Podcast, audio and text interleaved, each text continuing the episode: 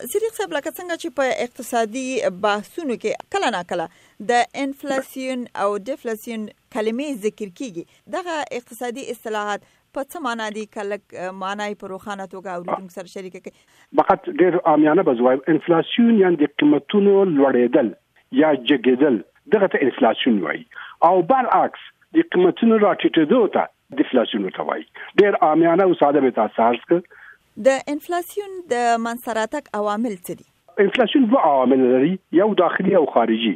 داخلي هغه وخت ده چې په یو هېواد کې د پیسو اندازه په جریان کې له اقتصادي ضرورتونو نه زیات شي. هغه په هغه وخت کې کېږي چې دولت له بانک مرکزي نه قرضه واخلي او ونه کړي چې خپل عواید راټول کړي بانک مرکزي به پیسې نشريي او پیسې به زیات په جریان کې لویږي په دغه حالت کې دا داخلي عمده عامل دا دی چې دا به قیمتونه جګیږي له بل خارجي دا ده چې دلته به کوم مشکل نه په داخل کې اما خارج کې به قیمتونه پر هر عوامل شي هغه به جګ شي وي نو دې ته انفلاسیون وارداتي یا وارداتي انفلاسیون وایي چې تاسو چې مال اخلي له خارجه هلته قیمتونه جګ شي په داخلي عوامل په اساس بنان تاسو په قیمت جګ اخلي ولته دلته داخل کې په قیمت په جګ قیمت باندې خرڅوي دا خارجي انفلاسیون د داخل ترازي او دیفلاسیون څه رقم منځ ترازي دیفلاسیون په دوه حالت کې راځي یو دا چې په هیواد کې اقتصادي بحران وي تولیدات راټیټ شي بیکاری زیات شي قوي خرید راټیټ شي یعنی خلک زیات عاید نه لري بنان کم مصرف کوي مصرف چې کم شي تقاضا کمیږي د نان تولیدات پاتې کیږي قیمتونه راټیټیږي دا یو او بل هم دا عامل شي مثلا عمومي بنا په بعض عوامل عمومي قیمتونه راټیټ شي مثلا پر اوس کال په جهان کې تقریبا 40% د نفتي موادو قیمت راټیټ یا بنا په دغه باندې د خوراکي موادو قیمتونه په جهان کې راټیټ دا دا او دوه عامل خارجي وو او په افغانستان کې د دلیل دا و چې د قوی خرید راټیټ سه بیکاری زیاته سه پروس کال مونږ په اسد میاشت کې یعنی اگست میاشت کې 2015 تقریبا قیمتونه منفي 4.9 فیصد راټیټ شي چې دغه ډیفلیشنی حالت دی افغانستان اوسنۍ اقتصاد په کوم حالت کې دی یعنی موږ د چې په ډیر ښه حالت کې واقعیت دا نه یو مشکلات لرو انفلیشن مشکل نه دی یان 3% یا 3% انفلیشن ډیره سبیره چې په ډیره هوادو کې دي دا د تشویش وړ تر اوسه قطعا د ما په نظر نه ده اما اوس موږ تولیدات په غسه تاسو باید نه ستروسه سرمایه گذاریګانې راټیټې شي دي او عامل عمده هم بیا امنیتي او جنگ ده بنان موږ د اقتصادي لحاظه په ډیر یو مثبت حالت کې نه یو مشکلات لرو بله اقتصاد پوهان اکثرا دا تفسیر کوي چې په افغانستان کې د مالی فساد شتون هم د انفلاسیون یو سبب کېدای شي تاسو څه وایي صدیق صاحب زه تاسو ته زموږ فساد په اصل کې هر نوع فساد د هر شي سبب کېدای شي هم د انفلاسیون هم د بیکاری هم د جنگ هم د عدم تولیدات د هیڅ شک نشته تاسو ګورئ کله چې مالی فسادي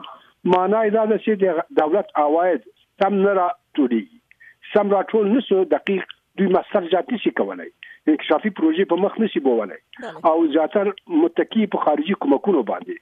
ډېر ډېر هیڅ شک نشته چې مالي فساد یا هر نوع فساد په انفلاسیون او اقتصادي وده باندې ډېر منفي اغیز لري بله که چیرته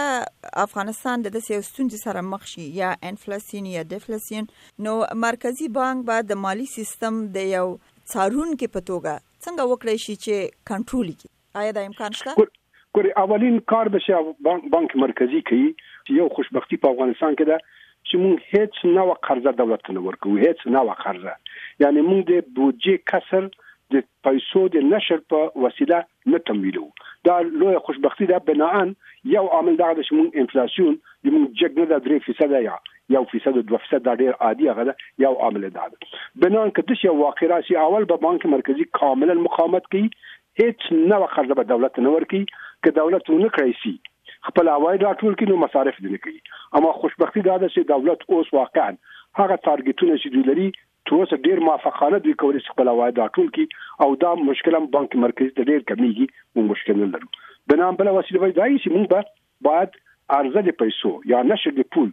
چې په هر وسیله چې هغه باید هغه کو محدود کو تر غو د انفلاسیون مخه ونیسو د بهرنیو اسعارو په مقابل کې د افغانیو د ارزښت تعینول یا د بیې تعینول دا د مرکزی بانک دنده ده او که د آزاد بازار آزاد بازار له اصول لري ګورې مونږ مونږ د حق لرو چې وایي چې ډالر د 50 یا د شپېته یا د اویایي دا لکه نور مواد غوندي وړ په بازار کې څنګه تعینږي څوک نفس تعینولای څونه تقاضا ده څونه څونه ارزه ده دا قانون د اقتصاد بنان د مونږ پالیسی دغه ده چې د مونږ هغه مانیجډ فلوټینګ ریټ چې مونږ ورته ګوري مارکیټ څه حرکت کوي که مونږ پوه چې دا حالت اوس له کنټرول وځي ډیر بد تاثیر کوي اتوماتیک بیا بانک مداخله کوي کچیرته افغانۍ خپل ارزښت د لاسه ورکړي د بهرنیو اسعارو په مقابل کې په دې صورت کې انفلاسیون راتګ امکان لري بله که قیمتونه د اسعارو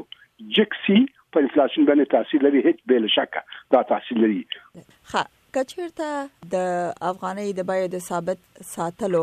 او همدارنګه د انفلاسیون په مخنیوي کې مرکزی بانک مداخله وکړي مداخله به څه رقم وي کوم موږ بازار مطالعه کوو هر ورځ چې څه وضع ده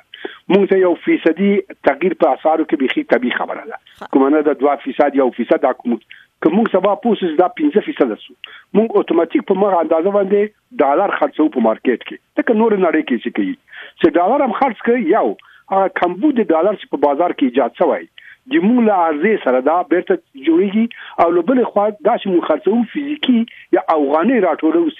له بازار ده پیسې چې راټول کړي مونږ دا چې افغاني کمبود پیدا کیږي خپل افغاني ارزښت زیاتیږي او د انفلاسیون مخه مر سره نیول کیږي مطلقاً مطلقاً